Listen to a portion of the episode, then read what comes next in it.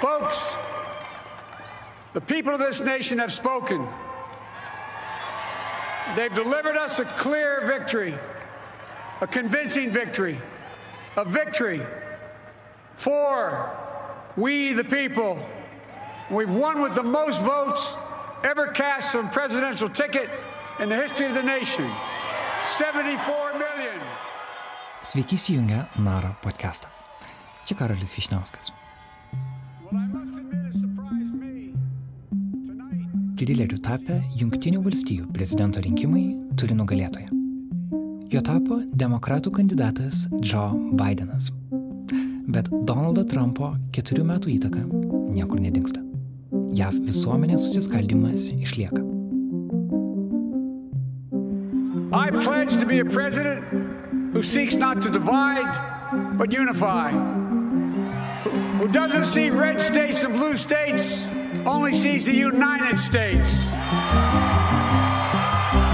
And work with all my heart, with the confidence of the whole people, to win the confidence of all of you. And for that is what America, I believe, is about.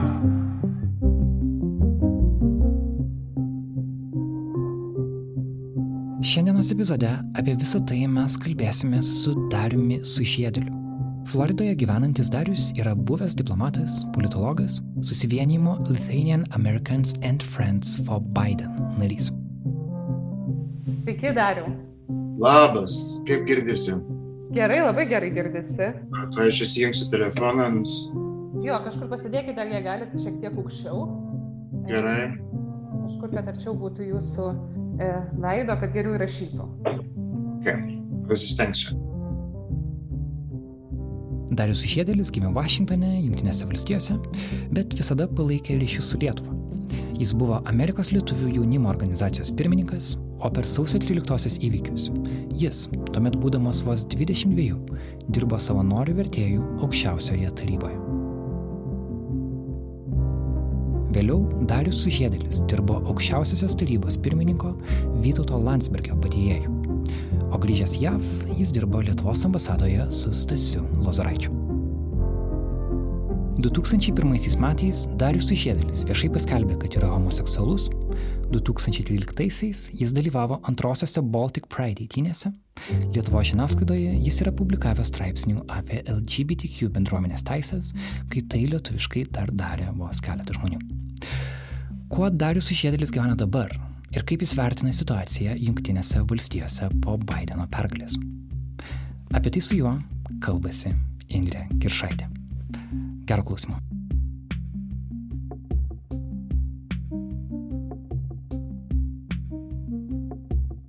Po keturių dienų laukimo pagaliau turime rezultatus ir patį šitą interviu teko keletą kartų atidėti, kiek skaičiavau, net keturis kartus atidėjome, nes vis laukiame to rezultato ir dabar jau aišku, Joe Bidenas yra išrinktas Junktinių valstijų prezidentu. Kokios jūsų nuotaikos? Nuotaikos tikrai labai geros ir, ir, ir nors suabejoju truputį, antradienį buvo truputį nemalonu, reiškia antradienį pačią rinkimų dieną, kadangi toks net jautėsi, kartojasi lygiai tiek pat, reiškia, bus rezultatas kaip 16 metais, nes pradėjau ten Floridos vyruoti ir mes buvom surengę tokį, reiškia, tokį suėjimą, mano vyras yra puodžius ir buvom puodžių bendruomenės, reiškia, ten šitą e, mašinų pastatymo aikštelėje saugiai buvom padarę tokią šventę su televizorium ir su vaišėm ir Na ir pradėjau taip jaustis, kad tikrai vėl gali būti tas pats. Ta naktį ėjom gulti jau labai su nu, neremia širdim ir, ir bijau, kad mano pats pirmasis interviu trečiadienį ryte buvo liktai su Labą dieną Lietuva, tai buvo labai pesimistinis interviu tikrai, nes tada mat, jautėsi, kad tikrai nu, nejaugi vėl. Bet einant savaitai įsibėgėjant vis dėlto matėsi, kad žmonės šį kartą nepatikėjo, dauguma žmonių um, tą dezinformaciją tais tuo, tuo melu ir, na, matom, kokį rezultatą turime, bet tikrai, tikrai labai nuostabius nuotaikos, tik turbūt yra nuovargis dabar, jau reikės gerai įsimiegoti. Mačiau, kad ir Facebook'e rašėt, kad šypsena kelias dienas nepaliks jūsų veido. Tikrai taip, tikrai taip. Ir, ir, ir, ir manau, kad daug kas taip jaučiasi, kad Žinot, vienas dalykas, aš pradėjau šiandien ryte skaityti žinias ir viena buvo tokia labai taikli pastaba, kad vakar Tik šiandien ryte žurnalistas suprato, kad vakar pagrindinė figūra nebuvo Trumpas. Pirmą kartą per keturis metus mes neturėjom žiūrėti jo veidą, klausyti jo balsą, jis netgi Twitter'yje nustojo rašyti. Ir kažkaip atsikėlė iš ryto supranti, oi Dieve, nejaugi mes galim dabar žiūrėti į ateitį tokią, kad aiškiai bus šiek tiek to, tos dramos mažiau, šiek tiek bus, nereikės bendrai tas iš vis žinias gal skaityti kiekvieną dieną, gal kas antrą reikės. Bet tikrai toks palengvėjimas visiškas. Norisi suprasti labiau ir pačią atmosferą šiuo metu Junktinėse valstijose, sužinojus rezultatus. Iš didžiųjų miestų plaukia vaizdo įrašai, tokie džiaugsmo e, vaizdo įrašai, kur žmonės renkasi, būriuojasi didžiosiose aikštėse, parkuose, um, džiaugiasi, šoka, dainuoja. Kaip yra jūsų mieste?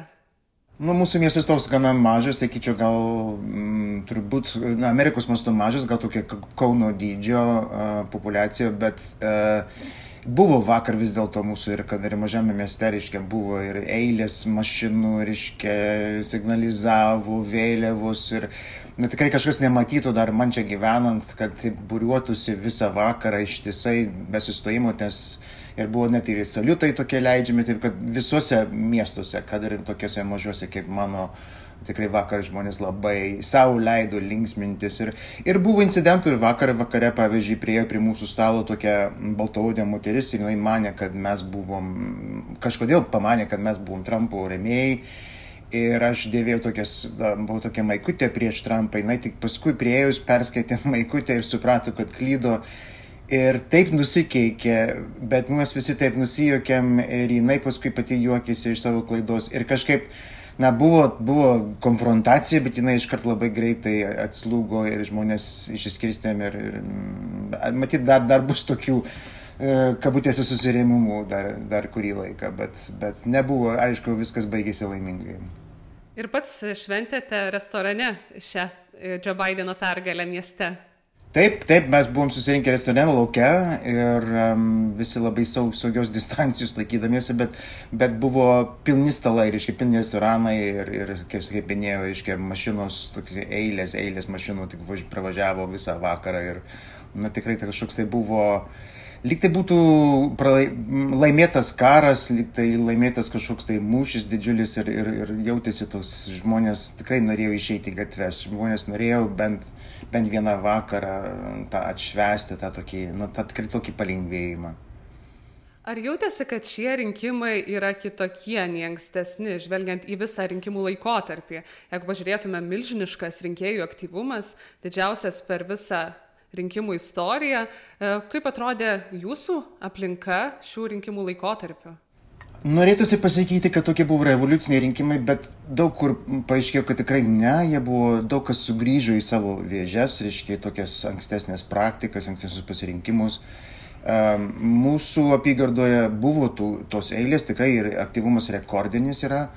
Bet kad taip jaustųsi, kad žmonės nubalsavo visiškai kitaip negu anksčiau, nu, taip nėra dar tokio jausmo. Yra, yra pagrindinis skaičių žaidimas ir skaičiai šį kartą buvo Bideno naudai ir aktyvumas buvo jau naudai. Bet reikia pripažinti vis dėlto, kad e, didelė dalis Amerikos žmonių nu, vis dėlto po keturių metų patirties vis dėlto pasirinko tą, tą patį ir jie toliau renkasi Trumpą. Taip kad būtų buvę žymiai maloniau, kad ta mėlynoji banga būtų įvykusi, bet jinai tikrai ne visur įvyko ir pats faktas, kad Senatas dabar e, kol kas dar neišpresas ir Senato kontrolė greičiausiai sugrįž vis dėlto į Respublikonų rankas, įrodo, kad ta banga, na, kai kur įvyko, bet ne visur ir nepakankamai didelė. Taip kad trumpizmas kaip toks, jis tikrai nebuvo nušluotas. Trumpizmas dar gyvuos ilgą laiką. Šiemet Demokratų partija turėjo didelį pasirinkimą, kokį lyderį galiausiai pasirinkti, kuris siektų prezidento posto. Ir kaip matom, pasirinkimas Joe Bideno būtent e, pasiteisino. E, jūs pats palaikėte Bideną, esate vienas iš judėjimo lietuviai už Bideną narių. Kodėl tikite Bidenu? Jis mano nebuvo pirmas pasirinkimas, ten atrodo, kaip prieš šimtą metų, kai turėjome 22 liktai kandidatus, aš palaikiau tuomet uh, miesto merą iš Indianos Pete Buttigieg ir dirbo netgi savanoriu jo čia vietos kompanijoje.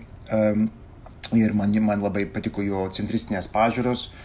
Aš labai gerbiu ir visada gerbsiu senatorių Sandersą iš Vermontų, kuris pirmą kartą taip įtikinamai pradėjo užduoti labai sunkius klausimus Amerikai, pavyzdžiui, dėl sveikatos apsaugos. Aš, jis padarė mums tikrai labai didelį e, darbą, tą iškeldamas, bet aš nelabai tikėjau, kad jis gali laimėti, o jeigu laimėjęs, gali neprastumti savo politikus visiškai, nes kongresas būtų buvęs jam tikrai labai priešiškas. Um, taip kad man, aš grinai strategiškai pradėjau galvoti, kad vis dėlto reikia žmogaus, kuris gali apeliuoti į, į daugelį žmonių. Ir kad ir labai norėtumėm kitokios Amerikos, su kitokios sveikatos draudimo sistema ir panašiai, uh, na vis dėlto reikia pripažinti, kad to nenori dauguma žmonių arba per, per mažai kol kas dar žmonių to nori. Ir reikia pradėti galvoti strategiškai. Todėl, kai Bidenas buvo paskelbtas jau, jau nominuotas kandidatu, aš labai entuziastingai pradėjau jį remti ir, ir įsijungiau į tą lietuvių, jūsų minimą lietuvių grupę, nes aš nemačiau kitos išeities. Bet Taip, matosi, kad jis yra, jis yra vyresnio amžiaus žmogus, jis gali turbūt daugam atrodyti kaip vakarykščio, vakarykščias politikų žmogus, bet jis yra labai uh, ištikimas, jis yra labai nuseklus ir labai stabilus ir būtent mano galva tas yra svarbiausias dalykas dabar Amerikai. O, o apie Lietuvą galim irgi labai ilgai kalbėti. Bidenas yra tikrai labai ištikimas draugas ir reikia tik žiūrėti per visus laikraščius nuo 900 metų, nuo sąjūdžio, pavyzdžiui, galima kalbėti, kad Bidenas buvo visą laiką buvo Lietuvos pusėje. Visą laiką. Esate Bideną sutikęs ir gyvai. Su mumis pasidalinote nuotrauką iš 2014 metų, kurioje sėdite Joe Bidenų iš kairės pusės per tuometinio Lietuvos premjero Algirdo Butkevičiaus vizitą Vašingtone. Šią nuotrauką klausytojai galės pamatyti ir mūsų puslapyje. Papasakokite apie tą susitikimą. Tai buvo iš tikrųjų ne, ne, ne pirmas susitikimas su juo, tai buvo jau trečias. Pirmus du kartus aš dar sutikau jį dar sąjūdžio laikais, dar Lietuvos nepriklausomybės balos laikais Vašingtonė, bet šį kartą teko sėdėti visai šalia jo ir visą valandą. Aš buvau jam paskirtas kaip vertėjas, e, nes Algirdas premjeras Butkevičius, e, jo anglų kalba dar nebuvo tokia kaip stipri, kaip pavyzdžiui, užsienio reikalų ministro Linkevičius, bet svarbiausias dalykas, kad e, premjeras prašė manęs neversti, nes jis norėjo išbandyti savo anglų kalbos žinias. Ir aš sutikau, gerai, neversiu, tai aš man teko visą valandą sėdėti nieko neveikiant. Ir Bidenas pradėjo pastebėti, kad kažkoks čia žmogus sėdi šalia jo, nieko nedaro ir jis taip šiptelėdamas man visą laiką dairėsi į mano pusę. Ir aš taip pat ir, ir buvau pasiruošęs bet kada pradėti versti. Nu ir baigėsi posėdis, jis padėkojo uh, Ir Butkevičiui, padėkoju Linkevičiui, paskui atsisuko į mane, sakė, ir aš ypatingai noriu padėkoti šitam žmogui, kuris nieko neveikė, visą valandą tyliai sėdėjo. Ir mes visi taip smagiai nusijokėm. Ir aš jam sakiau, sakiau, bet kada ponas viceprezidentė, aš jums, aš jums patarnausiu. Tai, žodžiu, buvo tikrai labai mielas susitikimas, jis mus paskui nuvedė į savo kabinetą, nuvedė į prezidento kabinetą. Žodžiu, labai mielas žmogus ir susitikimas buvo nuostabus. Bet tai buvo ne, ne pirmas kartas, tai buvo jau, jau trečias mano susitikimas su juo. Papasakokit daugiau, koks jums pasirodė Joe Bidenas e, kaip žmogus per visus šiuos susitikimus. Nu, jis labai mielas, jis tikrai yra labai nuoširdus žmogus. Na, žinot, kai kada politikai susitinka, ypač kai buvo dar nepriklausomybės tos bylos laikais, na, susitikdavo jie iš reikalo ir taip jautiesi, kad jie žiūri į savo laikrodį ir laukia, kol tie lietuviai išeis iš kabineto. Su Bidenu niekada taip nebuvo. Jis tiesiog bendrai net tie užsitęsdavo tie susitikimai su juo, jis mėgdavo parodyti savo nuotraukas ir savo anūkus. Ir, ir ką ten, pavyzdžiui, mes per tą susitikimą Baltuose rūmose, jis paskui nuvedė į savo kabinetą, parodė krepšinio kamuolį kažkokį gautą ir pradėjo pasakoti, kaip jis prisimena, kad lietuviai myli krepšinį ir nu, tiesiog ir visi stovim ir niekas nenori jo nutraukti, bet jau laikas eina, jau, aš žinau, kad premjerai buvo kitas susitikimas, o toks buvo jausmas, kad Bidenas tiesiog nori su, su žmonėmis pasišnekėti, to ištrauks alaus bokalą ir to įsėdėsim gerti alų, jis toks yra Nu, tikrai labai paprastas žmogus, ir, bet labai nuoširdus. Ir jis, jis apie Lietuvą labai daug žino. Ir aš tą pastebėjau, kad jis, jis be, be užrašų visą tą posėdį išsėdėjo ir, ir kalbėjo iš savo patirties. Jisgi jau 30-40 metų tą žino, tą klausimą Lietuvos. Ir, ir aš prisimenu Ramžinajatas į ambasadorių Lozoraitį, kuris sakydavo visą laiką, kad Bidenas yra vienas iš mūsų stipriausių draugų ir jis tikrai e, pasirodė tą pateisino tą ambasadorius Lozoraičio lūkestį. Kaip matote, kas pasikeis dabar prezidentu tapus Joe Bidenui po Donaldo Trumpo valdymo laikotarpio? Nu, aš tikiuosi, kad daug. Šitas dabar bus 11 dabar savaičių, mes turim palaukti, um, kol jis bus prisagdintas. Um, ir per tą laikotarpį gali labai daug blogų įvykti, reiškia, prezidentas Trumpas dar gali labai daug neigiamo uh, nuveikti. Um, bet aš tikiuosi, kad jau, jau, pavyzdžiui, vakar buvo jau skelbiama, kad pirmadienį, tai yra rytoj mūsų laiku, uh, būsimasis prezidentas Bidenas jau paskelbs naujos sudėties koronavirusų pandemijos komisijų sudėtį, kas yra nuostabu. Bet taip pat jau kalbama apie tai, kad tuoj pat bus irgi skelbima pačią pirmą dieną apie sugrįžimą į Paryžiaus konvenciją dėl klimato kaitos bus atnaujinta, pavyzdžiui, DACA apsauga šitiem imigrantų, Amerikoje gimusiem imigrantų vaikam. Žodžiu, visas sąrašas LGBT reikalai, sveikatos susimo. Ir iškia, jeigu jis sugebės padaryti net pusę to, ką žada per tuos pirmą savo, savo e, valdymo laikotarpį, tai bus nuostabu, nes bet darbo tikrai labai žiauriai daug. E, ir tik klausimas yra, į kurią pusę jis pirmo žiūrės. Žinoma, prasidės nuo koronaviruso suvaldymo ir po to aš manau galim greit matyti, kad Bideno bus kelionė į Europą. Aš nebejoju, kad per tą pirmą pusmetį jis turbūt nuvažiuos į Europą užtikrinti sąjungininkus, atstatyti tos tiltus su Europa, kurie tokie svarbus yra. Mums tokie signalai lietuviams buvo duota, kad ja, tikrai gali būti, jeigu nevažiuojame į Baltijos šalis iš karto, bet netrukus, kai tik leis sąlygos ir viruso suvaldymas, kad viena iš pirmųjų kelionių į, į tą Europos dalį bus greičiausiai į Lietuvą, bet aišku, joks pažadas, bet mes labai tą stumsime toliau.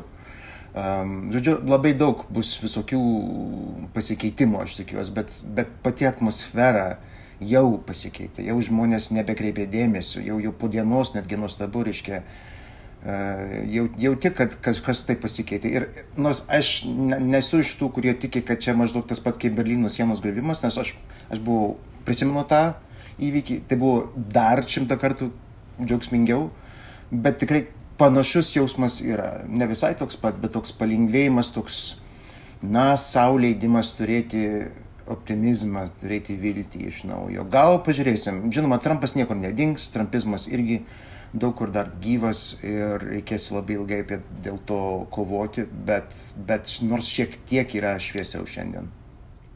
Kaip manote, ar Bidenui bus lengva perimti valdžią? Jeigu pažiūrėtume, ką kalba Donaldas Trumpas dabar, jis kalba apie neva pavoktus rinkimus, neva esančius didelius rinkimų pažeidimus, kuriems įrodymų nėra. Jis rašo, kad jis pas laimėjo rinkimus. Tai kas laukia Junktinių valstybių artimiausius mėnesius iki tos sausio 20-osios, kada bus inauguruotas naujasis prezidentas? Nu, tikrai daug kalba, bet e, Indrė vienas dalykas, pavyzdžiui, šiandien skaičiau, vakar tai buvo 0 iš 3, dabar 0 iš 9 jo pradėtų e, bylų, bilinėjimusi procesų, jis jau pralaimėjo. Iškia per keturias dienas jie inicijavo devynias bylas, visos jos yra pralaimėtos arba jos pačios nutrauktos pačių iniciatorių. Vakar buvo devintoji, reiškia, ir jie ten buvo iškėlę berods Arizonui, kad ten susiginčijo, gali Sharpie markeriu, reiškia, balsuoti, suprato, kad pagal įstatymą gali ir iškart patys savo tą bilinėjimuose procesą sustabdė patys. Kitoje vietoje Ohio Trumpų paskirtas teisėjas netgi nusprendė prieš juos. Taip kad uh, Um, jis gali daug ką bandyti ir tas laikotarpis bus gana įdomus teisininkams tikrai, um, bet kol kas jokio nėra pagrindo tie kaltinimai, kad čia buvo pavokta. Na gerai, išvardinkit, išdėstykit, surašykit visus atvejus, būtinai tikrinsim. Jie to nedaro, jie tiesiog šaukia, kad yra pavokta, pavokta, bet be jokių įrodymų, be jokio pagrindo. Uh, Um, taip kad aš nesu teisininkas, bet norėčiau šią savaitę bent pabūti teisininku, nes tikrai būtų įdomu um, stebėti tą jo bandymą bent tos teiginius patvirtinti. Bet kol kas, kaip mes matom, jau yra, jau yra sekmadienis, jau beveik savaitė po antradienio ir nei vienoj byloje jis nelaimėjo, nepatiktas joks pagrystas įrodymas, kad čia kažkas tai pavokta. Sakėte, kad Trumpas niekur nedings. E, kokią matote jo ateitį?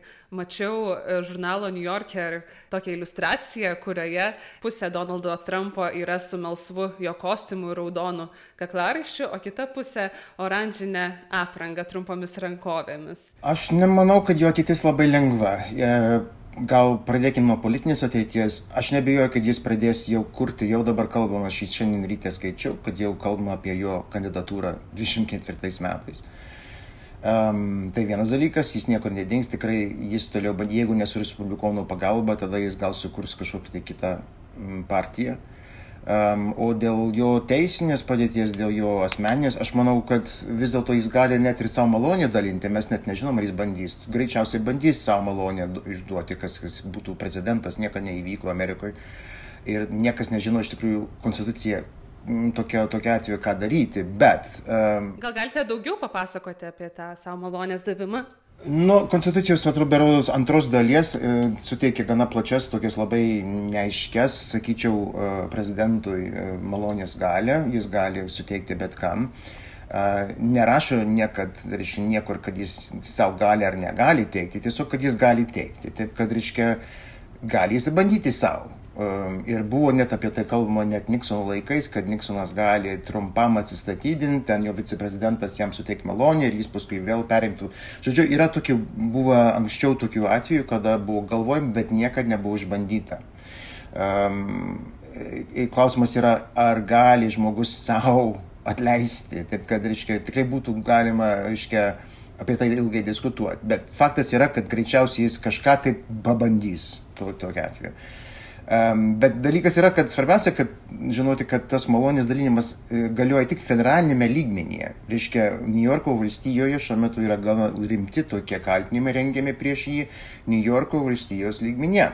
Ir ta malonė negalioja New York'e. Taip kad, reiškia, New Yorko prokuroras gali ir, ir ruošiasi tam rimtai žiūrėti per visas banko mokesčių nusižengimus galimus ir kelti bylą. E, jeigu ne asmeniškai Trumpui, tai jo korporacijai, jo firmai, kas praktiškai yra tas pats dalykas, e, kaip mes žinom. Ir, e, žodžiu, man atrodo, kad jam ir jo vaikams svarbiausia gali būti labai, na, sunkus ateinantys metai. Bet kažkaip Trumpas visą laiką sugebėjo savo gyvenimą išsisukti ir aš manau, kad uh, viso, jis yra vyresnio amžiaus žmogus, jis greičiausiai turi būti labai ramiai nueis, kad, kad nors nuo senos, negreitai, bet vis dėlto turi būti, na, jiems vis tiek reikės teks susidurti su realybė. Bet jo vaikai greičiausiai dėja dar daug kur dar biliniškai trinsis ir, ir reikš savo nuomonę.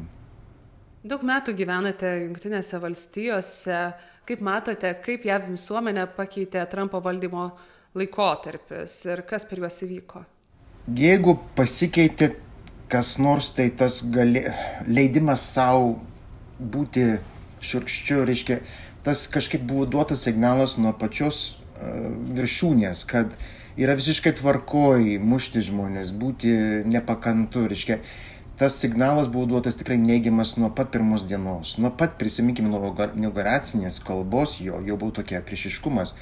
Ir ta atmosfera tikrai jautėsi net ir mūsų lygmenyje, pažiūrėjau, vienas kitas policininkas tau atsako gana grubiai ir niekada savo neleisdavo tai daryti. Arba, iškia, susitinki su kokiu nors ten viešajame sektoriui kokį nors tarnautojo, norėdamas savo teisės atnaujinti ir vėl toks priešiškumas iškart, kai pajunti. Taip kad šitas yra dalykas, buvo man bent nauja, žinoma, juodaodžiam žmonėm tai yra jau seniai žinomas dalykas. Bet man a, tai pirmą kartą buvo tokia patirtis, kada nežinai, su kuo turi reikalų ir reikia bijoti, kad ne, jeigu sužinos tavo politinės pažiūrės, tai gali tau leidimo neišduoti, tau gali visiškai problemų sukelti. Ir čia buvo labai nemalonu. E, ir iš pradžių, 16 metais, kai buvo išrinktas Trumpas, mes irgi bijojom dėl savo santokos, reiškia, mano su vyru, nes jau buvo tada brusdėjimai, kad gali bandyti per aukščiausią teismą, reiškia, panaikinti uh, vienos lyties žmonių teisę į santoką. Tas nepasiteisino ir turbūt neišdryso, aš manau, kad jie būtų bandę, bet neišdryso, nes jie būtų matę, nes net ir mano pažįstamų Trumpo rėmėjų, reiškia, tarpe yra žmonių, kurie sakė, jeigu bandys kesinsis į tavo santoką, aš su tavim. Taip kad tokie buvo nu, įdomus dalykai per tuos keturis metus. Reiškia, žmogus, kuris palaiko Trumpą, bet vis dėlto sako, kad tave gins, jeigu jisai ateis tavo šeimos, reiškia, yra, buvo keisti. Ir ačiū Dievui dabar nereikės sužinoti, um, kaip taip, taip būtų baigėsi, ar tas žmogus būtų atėjęs man į pagalbą ar ne. Bet, bet tikrai atmosfera mm, buvo slogi labai ilgą laiką. Um, ir, ir, bet, bet Amerika pati, Trumpas nepadarė Ameriką racistinę, Trumpas nesukadino mūsų sveikatos apsaugos sistemą. Reiškia, tos problemos egzistavo prieš jį ir jie egzistuos po jo. Ir, ir ačiū Dievui apie tai daugiau kalbama. Ačiū Dievui, kad um, Bernie Sanders, pavyzdžiui, iškėlė tą klausimą dėl sveikatos apdraudos, dėl minimalaus atlyginimo kelimo. Tai yra labai svarbus klausimai ir, ir jie turi būti sprendžiami. Ir um, man atrodo, kad prie to bus einama, bet, bet ar pasikeitė labai Amerika nuo Trumpo? Na nežinau, ilgainiui tai turbūt ne, bet jo, tas, e, jo pavyzdys buvo toks šlikštus, atvirai pasakysiu, kad, kad jau jo dingimas, vien jo dingimas nuo iš eterio bus jau į sveikatą, jau pradės leis žmonėm pasveikti, atsigauti. Tai jau yra daug. Visas pasaulis labai daug kalba apie visuomenės susiskaldimą Junktinėse valstijose. Tai ir nuo vasaros prasidėjo, nuo tiksliau pavasario pabaigos prasidėjo Black Lives Matter protestai ir, ir visos kitos įtampos. Žiniasklaida dažnai įvardyja, kad tokios įtampos nebuvo nuo Vietnamo karo laikų. Kaip jūs tiek metų gyvendamas Junktinėse valstijose matote tą susiskaldimą ir iš tikrųjų jis šiuo metu yra pasiekęs tokį kaip ir aukščiausią tašką?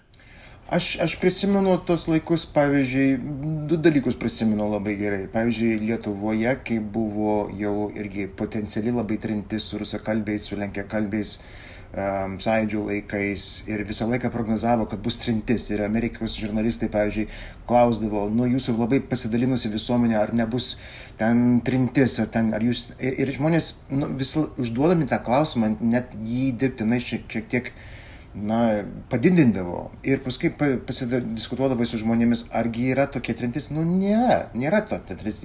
Yra problemų, yra nesusipratimų, bet jeigu tau nuolat užduoda tą klausimą, arba jeigu, pažiūrėk, kaip Trumpas nuolat dirgina tą reikalą, taip, ta, tos problemos, kurios tikrai yra realios, jos gali išaukti į kažką tai rimčiau.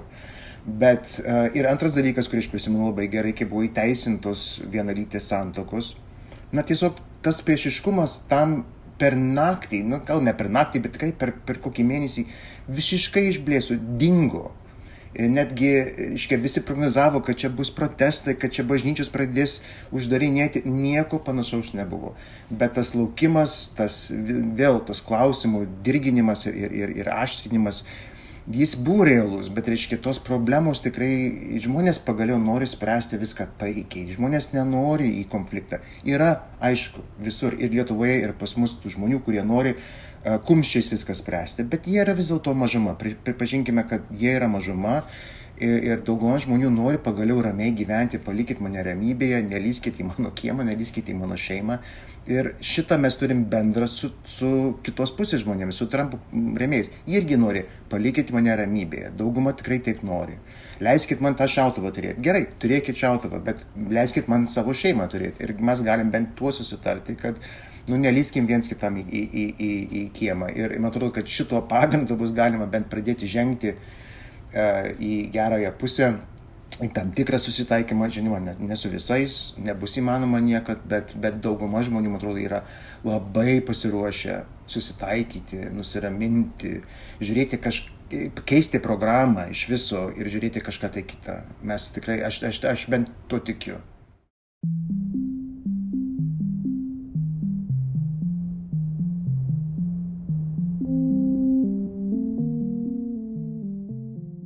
Šioje vietoje padarykime pauzę padėkoti klausytojams, kurie mus palaiko Patreon platformoje. Nuo praėjusio epizodo prie klausytojų bendruomenės prisijungė Jorija Janovičiūtė, Agnius Juška, Rūta Bagdonaitė, Monika Juchnevičiūtė, Ingrida, Java Navagrūtskytė, taip pat žmogus prisistatęs tiesiog P raidę, taip pat Aida Vitkauskaitė, Liepa Žalienė, Aistė Galaunytė, Paulius Preibys, Java Kuraitytė, Monika Dovilė Gasparavičiūtė, Lina Kunštinaitė, Meri, Algis, Lina Vonsavičiūtė, Gintarė Zolubaitė, Akvilė, Agne Kuplytė, Žaneta, Jurga ir Kristina Markauskaitė. O savo skiriamas sumas padidino Paulius Kruibis, Unėda Bušinskaitė ir Simona Osipovaitė. Ačiū Jums visiems labai. patreon.com slash naralt, kaip vienas žodis, tokiu adresu Kviečiame prisijungti ir palaikyti mūsų darbą. Dar kartą patreon.com pasvirasis brūkšnys nara lt. O dabar grįžtame į Indrės Kiršaitės interviu su Dariumi Sužiedeliu. Darius beje irgi yra mūsų patronas. Ačiū jam už tai.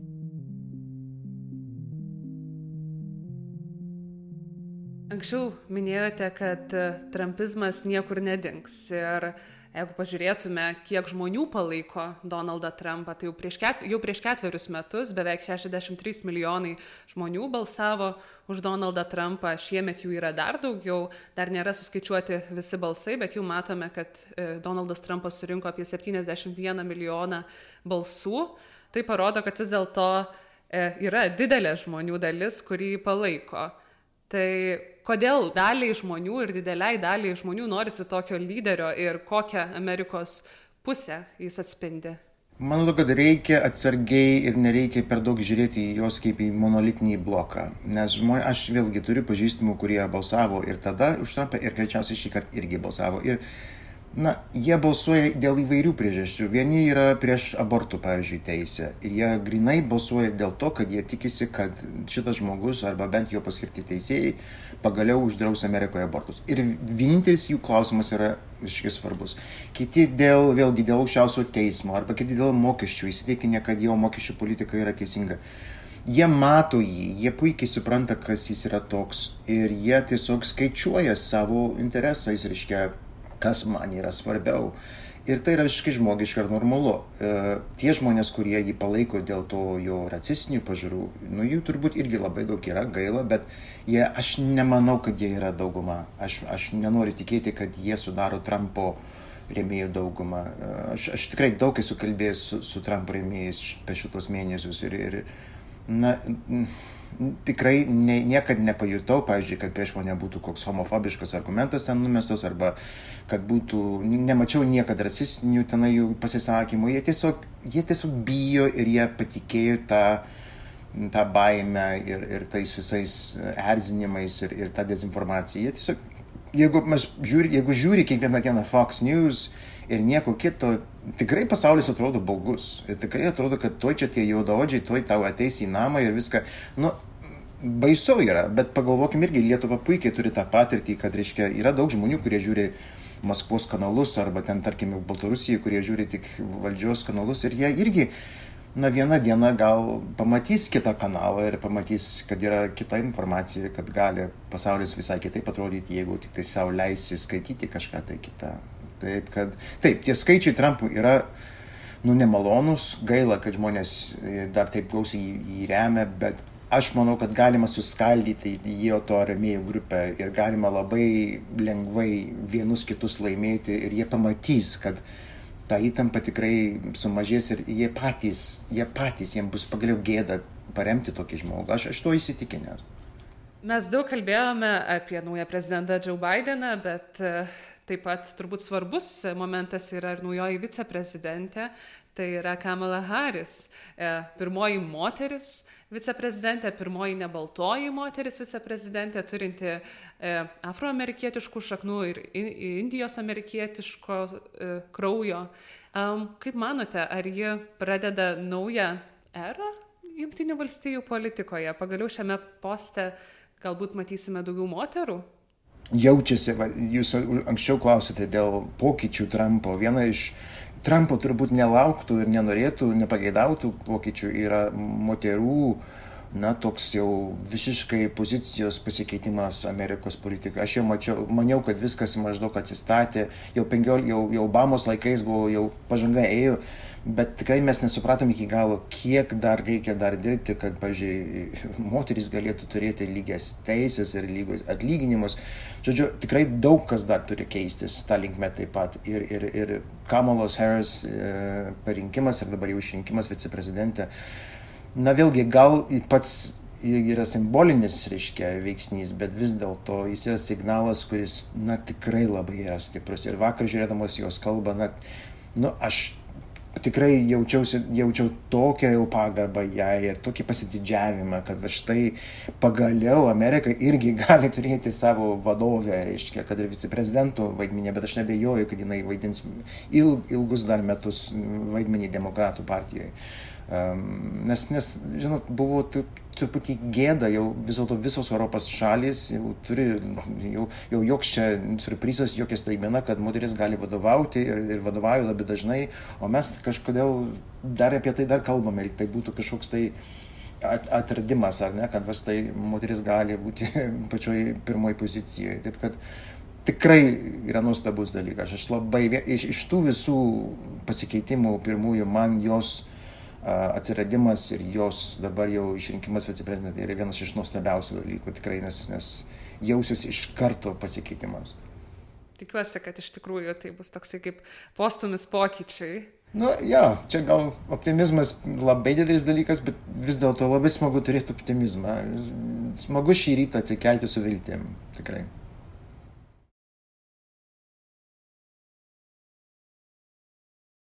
Pakalbėkime ir apie Amerikos lietuvius. Kiek bendraujate su jais, ar jaučiasi e, susiskaldimas šių rinkimų laikotarpiu? Pats priklausote judėjimui e, Lietuviai už Bideną, tačiau analogiško judėjimo Lietuviai už Trumpą nesusikūrė. Nesusikūrė, ne, nes man atrodo, kad e, turbūt dauguma lietuvių yra respublikonai, bet aš manau, kad dauguma lietuvių vis dėlto puikiai supranta Trumpo grėsmę Lietuvai. Ačiū Dievui, nereikėjo to įrodyti. Um, bet aš manau, kad lietuviai, vėlgi tiek, kad ir tie respublikonai lietuviai, kaip, pavyzdžiui, kaip mano tėvas, jie tiesiog, jie, jie, jie nenori reikštis, jie, jie puikiai supranta tą žmogų ir, ir niekada nebūtų perėję į kur nors atvirą um, kovą už Bideną, bet jie labai tyliai jį rėmė.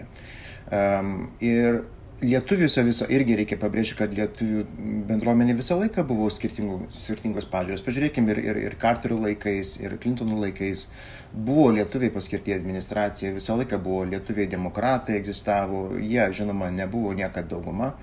Bet e, pagaliau šviesa santara, e, iš kurios judėjimo kilo Valdas Adamkus, irgi buvo gana pažangių pažiūrų, reiškia, žmonių, žmonių sukurtas e, darinys. Taip kad susiskaldimų nenorėčiau vadinti, tai yra tiesiog nuomonių uh, pasiskirstimas ir jokiais būdais čia tie, kurie prognozavo, kad čia lietuvių bendruomenė toj sugrius, tai vėlgi yra tie patys ekstremistai iš dešinės pusės, kuriem viskas, kas yra kas yra ne Trumpo palaiminto, yra tragedija. Taip pat aš manau, kad jie labai tyliai vėlgi nueis į savo kampą. Um, įdomiausias dalykas, aš tą pastebėjau per socialinės medijas, kad garsiausiai paramą palaikė lietuviai už Trumpą buvo naujai emigravę į, į Ameriką, ir kurie iš vis balso teisės net neturi. Tai jie buvo tokie aršiausi, tokie pikčiausi balsai. Na ir su jais kalbėtis net neįmanoma, nes jie argumentų jokių nenori girdėti, bet Amerikos lietuvių tokių turinčių balsą Trumpo rėmėjų tikrai ne, nebuvo dauguma, aš pasakysiu. Jeigu ką, tai gal tiesiog žmonės net neėjo balsuoti. Aš taip jaučiu, kad, pavyzdžiui, pasidalino į tris dalis, kas balsavo už Bideną, kas už Trumpą, mažytė dalis, o tie per vidurį gal ir net neėjo balsuoti iš viso. Minėjote, kad e, vis tiek, jeigu žiūrėtume į visumą e, lietuvių Amerikoje, tai jie labiau palaikytų respublikonus, daugiau būtų respublikonų rėmėjų. Kaip manote, kodėl taip susiklostė? Oi, čia reikia žiūrėti labai ilgai į istoriją. Jie, aš žinau, kad mano seneliai, kuriuos aš labai po šią dieną myliu ir mylėjau, na, buvo įsitikinę, kad, pavyzdžiui, demokratas Rooseveltas pardavė Lietuvą, kas gal ir yra dalinai tiesos tam tame, bet, um, žinot, labai senas šaknis turi tas lietuvių prisirišimas prie respublikonų. Bet Vienas dalykas svarbu irgi prisiminti, kad uh, demokratai irgi savo padarė indėlį į Lietuvos nepriklausomybės bylą, į NATO plėtrą. Lietuvoje taip gerbimas uh, Bžežinskis, pavyzdžiui, Zbignevas Bžežinskis tarnavo ne bet kam, o demokratui. Uh, NATO plėtra įvyko būtent prasidėjo Clintono laikais, devi, pirmoji banga 94 metais prasidėjo Clintono laikais ir ne bet kas vadovavo tai pirmai uh, plėtros bangai, o Joe Bidenas senate. Uh, Taip kad demo, kas lietuviai, Amerikos lietuviai, kurie dalyvavo politikoje aktyviai ir aš buvau vienas iš jų nuo pat pradžios, mes puikiai žinom, kad be abiejų partijų niekada nebūtumėm laimėję tiek dėmesio Lietuvai. Čia buvo dviejų partijų reikalas nuo pat pradžios. Ir tai buvo, ar tai buvo senatorius Durbanas uh, Ilonojui, ar, ar kitur, kiti senatoriai, kiti kongresmenai, niekada nebuvo vien respublikonai. Bet uh, šitą gal pamiršo žmonės, gal tiesiog lengviau yra manyti, kad, a, va, dešinieji tai reiškia prieš sovietus, tai reiškia gerai. Nu, čia labai tokia, na, labai supaprastinta. Tas, kas dirbo Vašingtonė, puikiai žino ir aš manau patvirtintų visi užsienio reikalų ministrai Lietuvos nuo Saudargo iki dabartinio ir nuo Lozoraičio iki dabartinio ambasadorius Vašingtonė, kad be demokratų niekad nebūtų e, buvę įmanoma sulaukti tiek dėmesio iš Vašingtono. Čia, mm, čia yra mitas, kad respublikonai yra vieninteliai, kurie supranta. Daugelį metų Junktinės valstijos lietuviams buvo toks kaip idealas. Jeigu žiūrėtume ir tuos pirmuosius emigrantus XIX amžiaus pabaigoje, taip pat ir nuo karo bėgusius, nuo antrojo pasaulinio karo bėgusius e, žmonės e, į Ameriką, taip pat ir atkūrus nepriklausomybę, e, nema, nemaža dalis lietuvių emigravo į Junktinės valstijas. Kaip matote, kaip keitėsi tas požiūris į Junktinės valstijas? Ir ar ji vis dar yra išlikusi kaip idealas? Kai kam taip ir kai kur tai teisėtai, tai teisingai ir teisėtai, man atrodo, e, yra taip, bet mes atsilikome. Amerikoje vien tik reikia pavažiuoti į Europą, pamatyti, kad na vis dėlto kažkas e, pas mus nukrypo ne tą linkme, ypač socialiniai politikoje dėl sveikatos draudimo. Iš tiesų, sveikatos pas mus e, draudimų sistema yra tikrai katastrofiška. Kas, kas turi pinigų, gali tikėtis geros priežiūros, tas, kas ne, vargu ar gali, reiškia, lenda į skolas, reiškia, iš karto. Čia yra, čia yra kažkas tragiško ir, ir tas jau ilgą laiką jau brandinasi, bet, bet kažkur tai buvo pasukta ne ten. Um, tas pats yra, gal žinoma, su rasizmu, su jo susidorojimu, su jo sutvarkymu.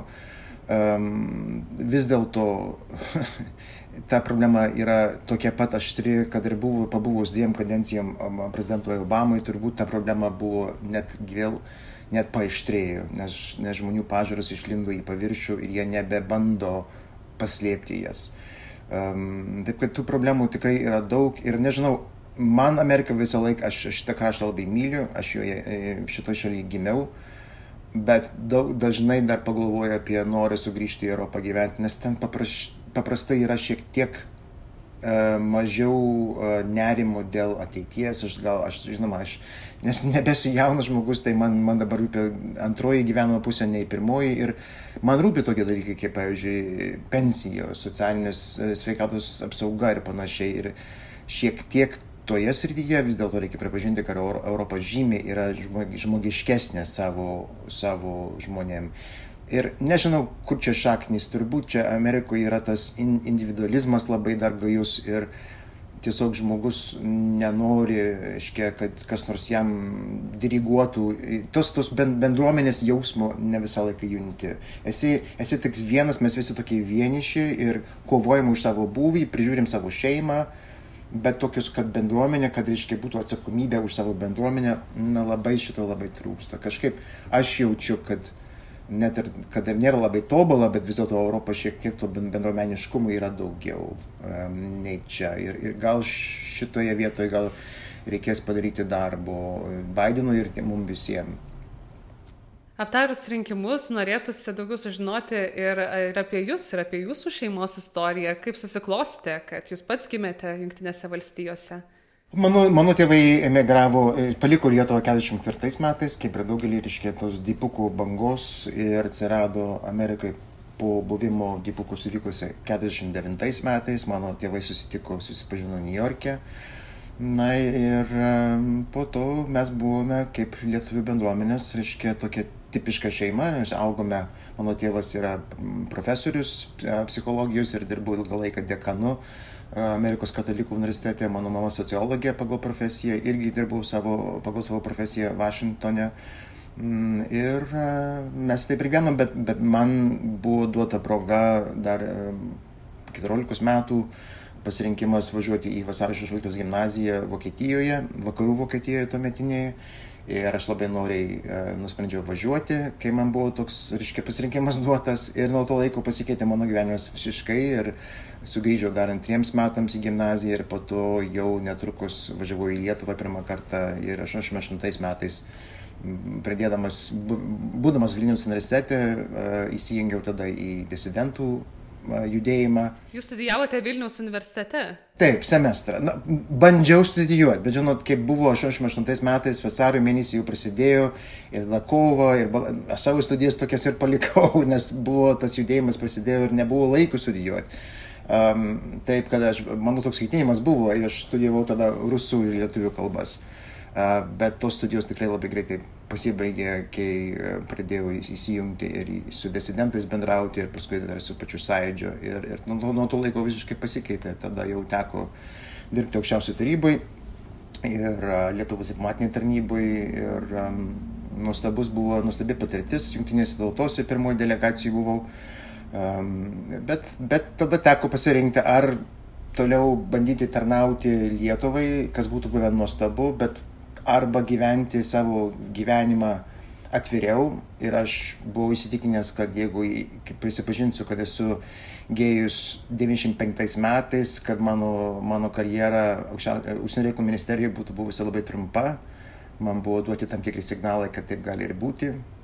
E, tai aš, nus, aš nusprendžiau išeiti ir, ir, ir, ir, į kitas, ir grįžti į mokslus. Taip, kad tai būtent pagrindinis sprendimas ar likti lietuvoje ar grįžti į jungtines valstijas įvyko dėl būtent dėl jūsų atsiskleidimo Galima būtų taip pasakyti. Taip, buvo, buvo ir kitų veiksnių, aš, aš norėjau labai magistrą daryti Vašingtonė, bet tas sprendimas, pasi, tas tik palengvino tą mano sprendimą, kad reikia arba išeiti, arba susitaikyti su mintim, kad teks kurį laiką Lietuvoje gyventi labai uždarą tokį dvigubą gyvenimą ir aš buvau jau tada, buvau, nebuvau pasiruošęs tam. Aš Gal tais laikais tikrai buvo visai kitaip atmosfera. Ir nors niekas atvirai niekad, aš noriu pabrėžti, kad niekas man negrasino, nei priekabiavo, niekad, ačiū Dievui. Bet nereikia to daryti atvirai, kad suprastum signalų. Reiškia, signalai yra signalai ir buvo aiškiai pasakyta, kad tu gali pasirinkti, tu gali turėti nuostabią karjerą, tu gali būti ambasadorium ten ir ten, arba gali gyventi atvirai. Ir aš pasirinkau antrąjį variantą ir dėl to nesigaliu nei kiek. Na, gal truputį gailiuosi tik tais dėl to, kad man, man tas darbas labai patiko. Ir um, aš būčiau norėjęs grįžti į tą darbą kada nors, bet, bet jau paskui uh, sutikau savo vyrą ir, ir, ir gyvenimas susiklosti taip, kaip susiklosti. Bet, bet mm, taip, 95 metais man buvo toks pasirinkimo takoskyra, aš jau pasirinkau vieną iš tų takų. Ar buvo sunku atsiskleisti? Taip, taip. Ir, ir, ir dar tas atsiskleidimas vyksta nuolat. Jis vis dėlto ne, nieko nesustoja, nes um, kažkaip net bendraudamas su naujais, pavyzdžiui, žmonėmis arba pažindamas naujus draugus, vis tiek ateina tas laikas, kada turi pasakyti, mano vyras namuose manęs laukia. Ir paskui laukia, kas, kokia reakcija to žmogaus. Ir tai vyksta kasdien, faktiškai, toks, toks. Uh, atsiskleidimas, bet ačiū Dievui, jis su kiekviena diena būna lengvesnis. Ir, bet, bet pirmas buvo atsiskleidimas buvo nelengvas, tikrai, tikrai labai nelengvas ir, ir, ir teko, um, mes su vyru dalyvavome demonstracijoje ir iškai mitingę už vienalytės santokas uh, Melendo sostinėje. Na ir buvom kažkaip stovėjom šalia viens kito ir fotografas Washington Post uh, pamanė mūsų tą nuotrauką dėti į pirmą puslapį. Ir e, nors aš tada buvau jau atsiskleidęs savo tėvams, tai buvo šokas, e, kad vis dėlto Washington Post pirmam puslapį tokia nuotrauka būtų. Tai buvo 2006 metais. Ir dar tais laikais, dar Amerikoje, tai vis dėlto buvo dar kol kas labai jautrus klausimas. Dabar niekas net nekreiptų dėmesio, bet, bet tada buvo daugam. Ir tas paskui, kiek aš žinau, tas laikraščio nuotrauka nukeliavo dar į Lietuvą ir daug kas, kas nežinojo Lietuvoje, jau per tą laikraščio nuotrauką sužinojo. Taip, kad, mm, buvo ilgas kelias, įdomus buvo. Kaip jūsų šeima reagavo?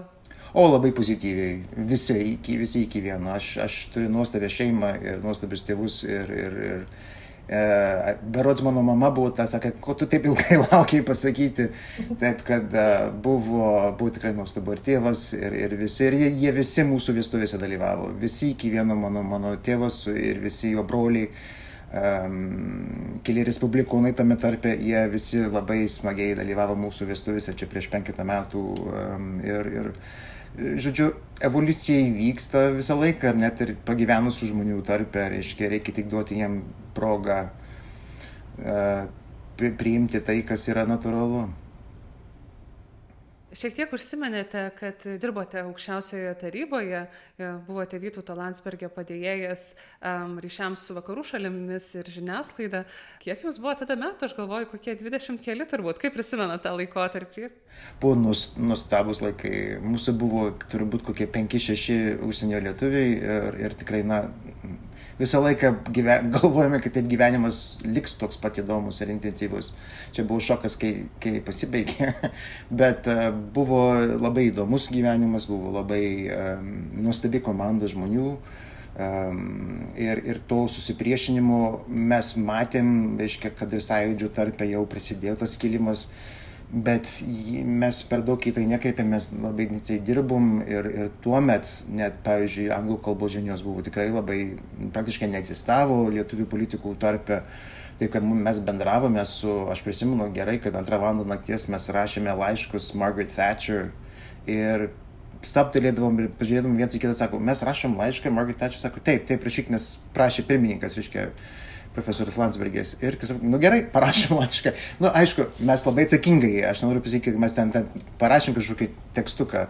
Mes labai atsakingai jautėme labai tą, tą svorį tuo momentu ir visą laiką pasitardavom viens su kitu. Ir ačiū Dievui, dar buvo ir ambasadoris Luzaraitis gyvas, su juo buvo galima teleksu visą laiką pasitarti. Žodžiu, buvo nu, tikrai labai įdomus laikai, aš tikiuosi, kad nors bus apie tai ta, ta išsami knyga parašyta, nes tie metai su pusė iki iki pučio e, žlugimo ir Lietuvos e, nepriklausomybės jau atkovojimo tikrai buvo gana intensyvūs metai ir, labai labai įdomus. Bet, bet kol kas mano ir mano draugai ir bendradarbiai niekas nesiryšta rašyti, taip kad reikės matyti vieną kitą pakalbinti. Taip, tikrai būtų labai įdomu sužinoti. Um, atrodo, kad nuolat palaikote ryšį su Lietuva, tą ir parodo ir ta nuotrauka iš 2014 metų, turbūt buvo ir daugiau panašių atvejų, gal galėtumėt papasakoti, kaip palaikot ryšį su Lietuva, būdamas Junktinėse valstijose. Na, žinoma, yra daug lengviau dabar, negu buvo prieš dešimtmetį um, su technologijos pagalba, um, bet mano pagrindinis dabar, pagrindinė duona dabar yra, yra Lietuvos pristatymas angliakalbiai pasauliui, angliškai kalbančiam pasauliui per knygų vertimą. Ir todėl aš labai seku daug, kas Lietuvoje darosi. Aš, mano, yra duota tokia gauta dovana, kad aš gaunu skaityti nuostabius tekstus apie meną, meno istoriją ir apie, apie Lietuvos istorijos tarpus architektūrą. Žodžiu, aš tikrai jaučiuosi, kad aš tai per šitos paskutinius penkis metus naują, reiškia, laipsnį įgyjau, reiškia, lankydamas tokius kursus apie, apie tokias Lietuvos istorijos dalis, kurių, kurių tikrai nežinojau, nepažinojau. Taip yra nuostabu, tai aš nuolat palaikiau ryšius su savo bendradarbiais Vilniuje, Kaune dabar irgi um, ruošiamas naujas, pavyzdžiui, platus tekstas apie Kauno žydų istoriją ir man yra labai malonu, kad aš galiu dalyvauti tos istorijos vertime. Žodžiu, man yra nuostabu, gaila, norėtųsi dažniau Lietuvoje pabūti ir lankytis. Ir, ir mano vyras va pirmą kartą prieš du metus kartu su manim nuvažiavo ir, ir nu, žiauriai patiko, įsimylėjo į Vilnių, taip kad aš tikiuosi, kad mes grįšime dažniau, kai praeis virusas, žinoma, bet, bet palaikau ryšį visą laiką ir, ir per, ir per e, LGBT žmonių judėjimą. Aš juos visus labai myliu ir labai didžiuojuosi, kad tas judėjimas per dešimt metų tik tais nuėjau tokį ilgą ir fantastiškai e, greitą kelią ir įsijungiau per juos ir į Laisvės partijos steigimą, nes labai džiaugiuosi, kad atsirado pagaliau politinė partija, kuri drąsiai gali pasisakyti ir atvirai už, už žmogaus teisės. To labai trūko ir aš labai džiaugiuosi rinkimų rezultatais Lietuvoje.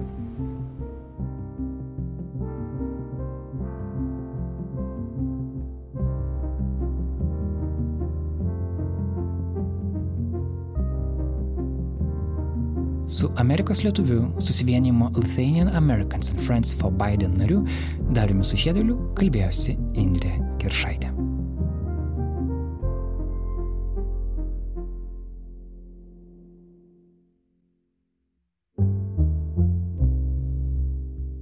Ačiū Jums labai. Ir dar paprašysiu atsiųsti tą įrašą iš telefono. A, taip. Jo, įrašinėjot ir saugokit dabar tai turbūt per WeTransfer tai būtų reikės. Jo, per WeTransfer, nes jis, manau, didelis bus, tai jo, gali per WeTransfer. Aha.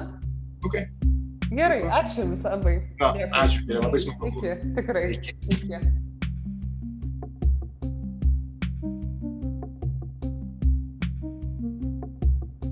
Toks mūsų epizodas šiandien. Ačiū, kad buvote kartu. Mano studijinį balsą įrašome nacionalinės Martino Mažvydo bibliotekos garso įrašų studijoje Garso režisierė čia yra Kata Bitoft. Podcast'o muzikos kompozitorius yra Martinas Gailius. Naro podcastą išlaiko pati klausytojų bendruomenė.